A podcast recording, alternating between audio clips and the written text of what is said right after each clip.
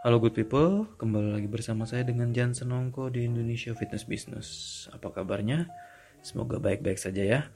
Nah, pada kesempatan kali ini saya ingin berbagi sukacita karena telah diundang kembali di acara tahunan yang luar biasa, yaitu Idea Fest, di mana banyak sekali icon-icon dari berbagai bidang datang dan berbagi ilmu, uh, insight dan banyak sekali uh, orang-orang hebat yang menurut saya di bidangnya masing-masing ya yang akan berbagi kepada masyarakat tentang musik, film, apa pun itu bahkan termasuk fitness.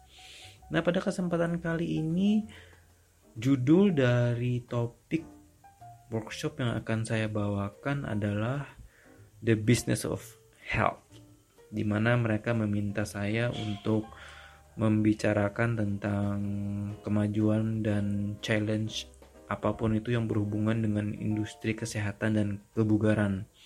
Jadi untuk ini ya agar sinergi topiknya dengan workshop weekend ini maka judul dari podcast hari ini adalah The Future of Health and Fitness Business. Nah, berbicara tentang industri kebugaran, sekarang tampaknya sudah sangat marak ya, apabila dibandingkan beberapa tahun yang lalu, di mana hanya terdapat beberapa player atau pebisnis atau pusat kebugaran besar dan jomplang sekali dengan beberapa fitness studio yang kita sebut dengan uh, ini gym ruko Dulu ada Fitness First, ada Selfit dan Gold Gym yang mendominasi pasar kebugaran di Indonesia. Dan lokal gym hanya ruko, gym-gym ruko hanya ya melayani masyarakat-masyarakat yang bisa dibilang di areanya saja dan sedikit sekali yang benar-benar memiliki ciri khas atau spesialisasi tertentu. Nah, kalau berbicara industri, kemajuan industrinya sendiri walaupun pada kenyataannya banyak ada beberapa cabang dari mega gym di beberapa kota yang gulung tikar tetapi ini tidak berarti bahwa industrinya mengalami kemunduran bukan. Tetapi terjadi suatu perpindahan atau shifting market yang di mana malah banyak sekali brand-brand baru masuk dalam 1-2 tahun ini. Sebut saja ada F45 kemudian ada Anytime Fitness, Snap Fitness dan ada juga CrossFit Box. Banyak sekali studio-studio yang menawarkan group training terutama di kota-kota besar. Nah ini sebenarnya uh, kalau berbicara data data yang ini ya yang valid ya memang belum ada di Indonesia tapi ada beberapa indikator yang menunjukkan bahwa the future of this industry is very very bright atau sangat-sangat luar biasa sekali. Dan beberapa indikatornya ada adalah seperti contoh yang nomor satu paling gampang kita lihat adalah fashion. Atau disebut dengan athleisure di mana semakin banyak brand-brand atletik brand-brand yang ini ya yang diperuntukkan untuk fitness itu sendiri berbagai model merek dan juga sekarang bisa dibilang harganya juga nggak murah-murah banget tetapi banyak yang beli. Jadi seperti suatu kebutuhan bagi setiap member pusat kebugaran untuk mengenakan pakaian yang disebut dengan athleisure ini. Nah biasanya sih apabila fashion sudah involve di suatu industri itu sudah dapat dijamin bahwa future-nya akan semakin baik.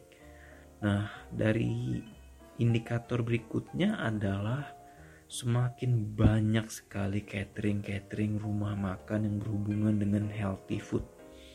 Di situ dari yang murah sampai yang harganya premium itu sudah wah luar biasa deh dari beberapa tahun yang lalu hanya beberapa merek saja yang dan bahkan saya hafal sekarang sudah tidak tahu lagi ada A, ada B, ada C luar biasa pertumbuhannya dan yang ketiga terbantukan dengan aplikasi seperti Tokopedia, Shopee dan beberapa online ini ya shop yang memudahkan uh, pembelian dari suplementasi yang berhubungan dengan fitness. Nah ini juga ini ya semakin meningkatkan uh, perputaran uang yang terjadi di industri kebugarannya. Keempat, ya tentu saja adanya sosial media, health influencer, fitness influencer, selebgram itu sekarang into fitness lifestyle. Itu sudah sudah banyak sekali juga yang semakin ingin dikenal sebagai health and fitness influencer walaupun mereka bukan profesi utamanya. Jadi ini tentunya hal yang baik sekali apalagi dengan ditambahnya film-film yang bertemakan superheroes semuanya ingin mencoba untuk memiliki bentuk tubuh seperti mereka akan meningkatkan tentunya akan meningkatkan lebih banyak lagi masyarakat yang ingin mencoba untuk berolahraga fitness atau berolahraga yang berhubungan dengan strength training. Nah, ada juga online booking uh, platform Pass, kemudian dulu ada yang namanya Guava Pass. Itu memudahkan kaum milenial untuk mencoba beberapa fitness studio. Yang terakhir, yang indikator yang saya rasakan sendiri adalah jumlah alumni APKI sendiri dalam lima beberapa tahun ini, dalam tiga tahun ini sudah meningkat sampai jumlahnya sekarang hampir 700 orang. Jadi luar biasa sekali dari indikator-indikator ini kita dapat mengatakan the future is so bright. Nah beberapa cara yang dapat kamu lakukan apa misalnya apa, misalnya kamu tertarik untuk mencoba uh, mencari ya mencari kerjaan atau membuka lowongan pekerjaan atau ingin mencoba ber, uh, memiliki bisnis di bidang kebugaran kamu bisa menjadi fitness trainer baik online maupun offline.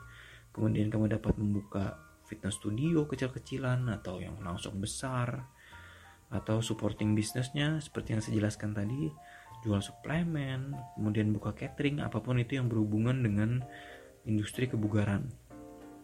Nah tantangannya adalah semakin banyak educated clients. Sebenarnya bukan tantangan ini malah justru uh, ini ya uh, niche atau peluang yang di mana dengan semakin educated member-member dan klien-klien yang berolahraga di industri kebugaran sendiri akan mendorong para pelakunya untuk terus meningkatkan kualitas mereka. Jadi ini membuat spesialisasi kemudian kemampuan staff itu harus benar-benar di, diperhatikan dengan baik jadi tidak sekedar fasilitas saja. Mungkin dulu dengan bermodalkan fasilitas saja sudah dapat menggarap menggait banyak member. Namun sekarang sudah berbeda.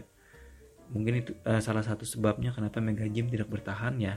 Karena kurangnya uh, pengembangan di SDM nah itu itu beberapa insight dari masa depan industri kebugaran.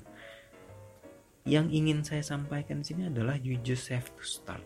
Bener kamu bisa contoh kamu bisa lihat berbagai jenis uh, ini ya influencer trainer fitness studio berbagai hal dan explore aja.